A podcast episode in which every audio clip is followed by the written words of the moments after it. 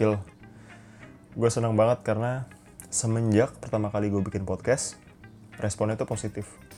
Dan gue jadi banyak ngobrol, banyak diskusi sama teman-teman di DM Instagramnya Respect. Orang-orang tuh cerita banyak hal, terus saling belajar bareng gitu deh. Seru pokoknya. Lo pun kalau mau juga boleh. Lo bisa DM langsung di Instagram at respect.official atau akun pribadi gue at Borneo Verando. Nah, ngobrol selain tentang bisnis juga bisa ngobrolin hidup ayo, ngobrolin asmara, gitu. ayo juga, ayo ngobrol apa. Soalnya ya gue senang banget ngobrol sama orang baru karena selain dapat sudut pandang yang fresh gitu ya, gue juga bisa jadi temenan sama siapa pun. Gue jadi tahu apa sudut pandang mereka dan ya lain-lain lah. Nah episode kali ini itu tuh request sebenarnya. Jadi kemarin ada yang ngobrol sama gue tentang strategi dan perencanaan bisnis gitu. Sampai ujung-ujungnya bahas satu metode perencanaan yang mungkin banyak orang yang udah sering dengar tapi masih bingung apa sih itu. Namanya adalah SWOT. S-W-O-T. Lebih tepatnya analisis SWOT. Lalu gue pikir kayaknya kayaknya asik deh bahas analisis SWOT mungkin buat yang kuliah manajemen, pemasaran atau ekonomi bahkan teknik deh. Pasti udah udah udah hatam lah sama yang namanya begini-gini nama analisis SWOT ini. Tapi kan banyak juga teman-teman yang belum tahu apa sih analisis SWOT. Apalagi kasusnya banyak orang yang udah buka usaha gitu tapi ya asal jalan aja gitu nggak pakai strategi nggak pakai perhitungan. Yang seringnya kesandung di tengah jalan. Tapi jadi nggak bisa bangkit lagi karena nggak punya strateginya gitu. Kaget kaget gitu nah di sini gue akan jelasin sebagaimana pemahaman gue tentang analisis SWOT dan gimana sih cara pakainya pada dasarnya analisis SWOT itu kayak metode penyusunan strategi yang fokusnya tuh adalah pada kekuatan dan kelemahan bisnis lo dan juga peluang serta ancamannya ketika udah dipasarin. Jadi basicnya tuh kita nganalisis aspek internal dan eksternal dari bisnis kita cuma pakai satu instrumen aja. Iya si SWOT ini. SWOT itu singkatan. Singkatan dari strength, weakness, opportunity, dan threats. SWOT. Strength dan weakness ini adalah aspek internal yang bisa uh, lo kendaliin opportunity dan threats itu aspek eksternal yang mungkin terjadi dan itu di luar kendali tapi bisa dimanfaatin kalau kita tahu apa aja. Nah, analisis SWOT ini tuh didasari oleh apa ya? Sesuatu yang mau kita capai gitu, tujuan. Jadi kalau udah punya tujuan, baru tuh bisa kita cari apa sih faktor yang bisa ngebantu kita untuk sampai ke tujuan kita itu. Terus kira-kira ada nggak sih hambatan atau halangan yang harus kita selesaiin sebelum kita sampai ke tujuan kita itu? dan ini bisa berupa apa pun ya maksudnya tujuannya bisa berupa kita mau promosi sesuatu atau mau jualan atau mau direct selling atau apa pun lah analisis SWOT ini sifatnya general dan bisa dipakai di mana pun. Nah caranya adalah dengan kita analisis satu-satu. Yang pertama adalah strength, kekuatan. Strength atau kekuatan ini adalah uh, apa ya hal hal yang positif gitu, hal yang positif yang ada di aspek internal di dalam bisnis kita. Kekuatan ini sesuatu yang ada dalam kendali kita. Misalnya sumber daya, baik itu sumber daya manusia atau sumber lain kayak material atau bahan utama bisnis kita. Terus bisa juga jadi teamwork atau brand image mungkin ya intinya apa pun itu yang bisa ngasih nilai tambah ke dalam bisnis kita. Contoh, misalnya misalnya kita mau bikin bisnis pisang goreng. Aduh, pisang goreng apa contoh pisang goreng ya?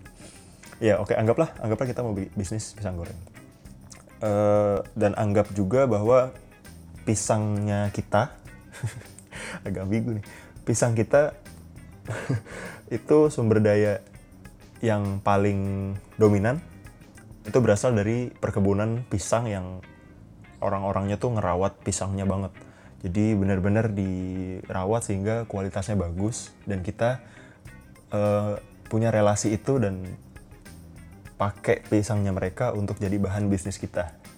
Oke. Itu adalah kekuatan, sumber daya, eh, bahan utama gitu ya. Atau misalnya nih kita saling ngisi gitu. Lo jago eksekusi, gue jago planning, kita gabung ke dalam satu tim, kita bikin bisnis ini, bisnis si pisang goreng ini, kita uh, teamworknya mantep. Nah itu adalah kekuatan.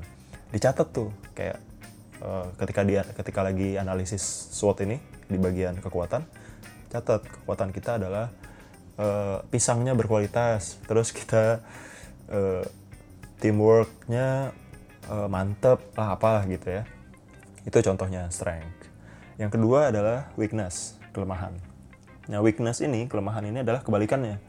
Weakness ini tuh hal-hal yang walaupun masih dalam kendali, tapi justru mengurangi nilai tambah atau mengurangi keunggulan bisnis kita. Misalnya timnya kurang banyak, jadi cuma kita berdua gitu. E, timnya kurang banyak atau lokasinya kurang strategis atau ya bisa hal lain lah gitu. Contohnya dalam bisnis pisang goreng tadi, karena kita cuma berdua, kita kurang orang, nggak ada yang masak, kita cuma itu kita kita uh, nelpon sana sini, nganterin pisangnya dan lain-lain lah gitu. Nah karena orangnya kurang, akhirnya kita pakai pihak ketiga. Atau lokasi deh, misalnya contoh paling gampang lokasi, lokasi kurang strategis. Gitu. Nah kalau kita udah tahu kelemahan bisnis kita apa, kayak lokasi gitu. Tadi, justru bagus. Karena kita bisa fokus untuk cari solusi dari kelemahan-kelemahan kita itu. Dan bisa di, dan kita bisa bikin plan A dan plan B kalau ke depan-depannya uh, terjadi hal-hal yang nggak kita pengen. Misalnya kayak tadi lokasi gitu. Lokasi kita kurang bagus. Hmm, bisa pakai kurir dan lain-lain lah gitu. Dicatat gitu. Weakness kelemahannya adalah lokasi kurang strategis gitu. Yang ketiga itu opportunity peluang. Peluang ini tuh kayak apa ya? Hal-hal yang di luar kendali kita tapi punya dampak positif ke dalam bisnis kita. Misalnya pertumbuhan pasar, lifestyle masyarakat, terus daya tarik orang-orang terhadap bisnis yang lagi kita jalanin, atau apa gitu yang bisa kasih kita keuntungan secara nggak langsung di persaingan bisnis kita. Contoh dalam bisnis pisang goreng kita tadi, misalnya eh, pertumbuhan pasar atau daya tarik gitu ya. Misalnya anggaplah di Amerika ada orang Indonesia jualan pisang goreng terus enak, terus booming akhirnya semua orang di dunia nyari pisang goreng Nah, itu kan di luar kendali kita tuh. Tapi itu bisa jadi peluang untuk bisnis kita. Karena posisinya kita jualan barang yang sama, terus daya tarik orang-orang juga lagi naik. Nah, itu opportunity. Itu bisa kita catat, bisa kita identifikasi gitu ya. Ditulis opportunity kita, peluang kita adalah uh, daya tarik orang-orang terhadap bisnis kita sekarang dan pertumbuhan pasar atau lifestyle masyarakat misalnya kayak contoh sekarang tuh kayak kopi deh bisnis kopi kan jadi lifestyle ya. Orang-orang tuh kalau nggak ngopi rasanya gimana gitu. Ya anggaplah di tahun 2000 berapa nanti gitu. Uh, lifestyle orang-orang tuh berubah gitu. Yang tadinya kopi jadi pisang goreng gitu. Jadi orang ngerasa kalau nggak makan pisang goreng jadi gimana. Nah itu itu peluang tuh gitu. itu bisa dicatat terus kita bisa manfaatin untuk nyusun uh, perencanaan berikutnya. Nah kita juga mesti peka sama hal-hal yang terjadi di sekitar kita karena bisa aja itu jadi peluang lain buat bisnis kita ke depan. Dan yang perlu diperhitungkan itu timingnya. Sampai kapan nih peluang ini tuh bisa dalam tanda kutip uh, nguntungin, nguntungin kita terus.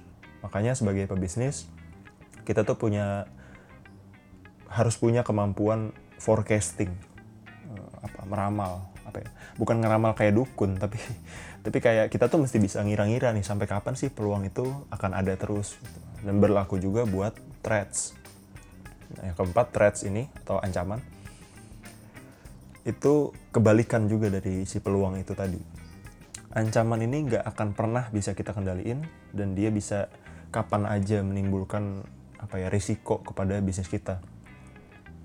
Ancaman yang paling nyata itu tuh persaingan persaingan bisnis antara bisnis kita dengan pebisnis yang lain. Semakin ketat bisnisnya, semakin gede juga tuh ancamannya. Atau dalam apa ya? Dalam contoh lain deh, misalnya krisis ekonomi. atau kayak yang kita alamin di awal tahun 2020, 2020 wabah pandemi virus COVID-19 itu juga bisa jadi ancaman gitu. Atau kenaikan harga bahan misalnya pisang tuh tiba-tiba uh, mau punah misalnya misalnya ya. Terus harga pada naik nah itu jadi ancaman gitu ditulis itu uh, ancaman kita adalah ya hal-hal itu tadi dan bisa macam-macam. Intinya kalau bisa kalau semua kita udah bisa identifikasi apa yang jadi ancaman kita pakai analisis SWOT ini seenggaknya kita bisa terbantu gitu untuk bikin eh, rencana-rencana uh, strategis yang mungkin bisa nanganin masalah kita ke depannya gitu.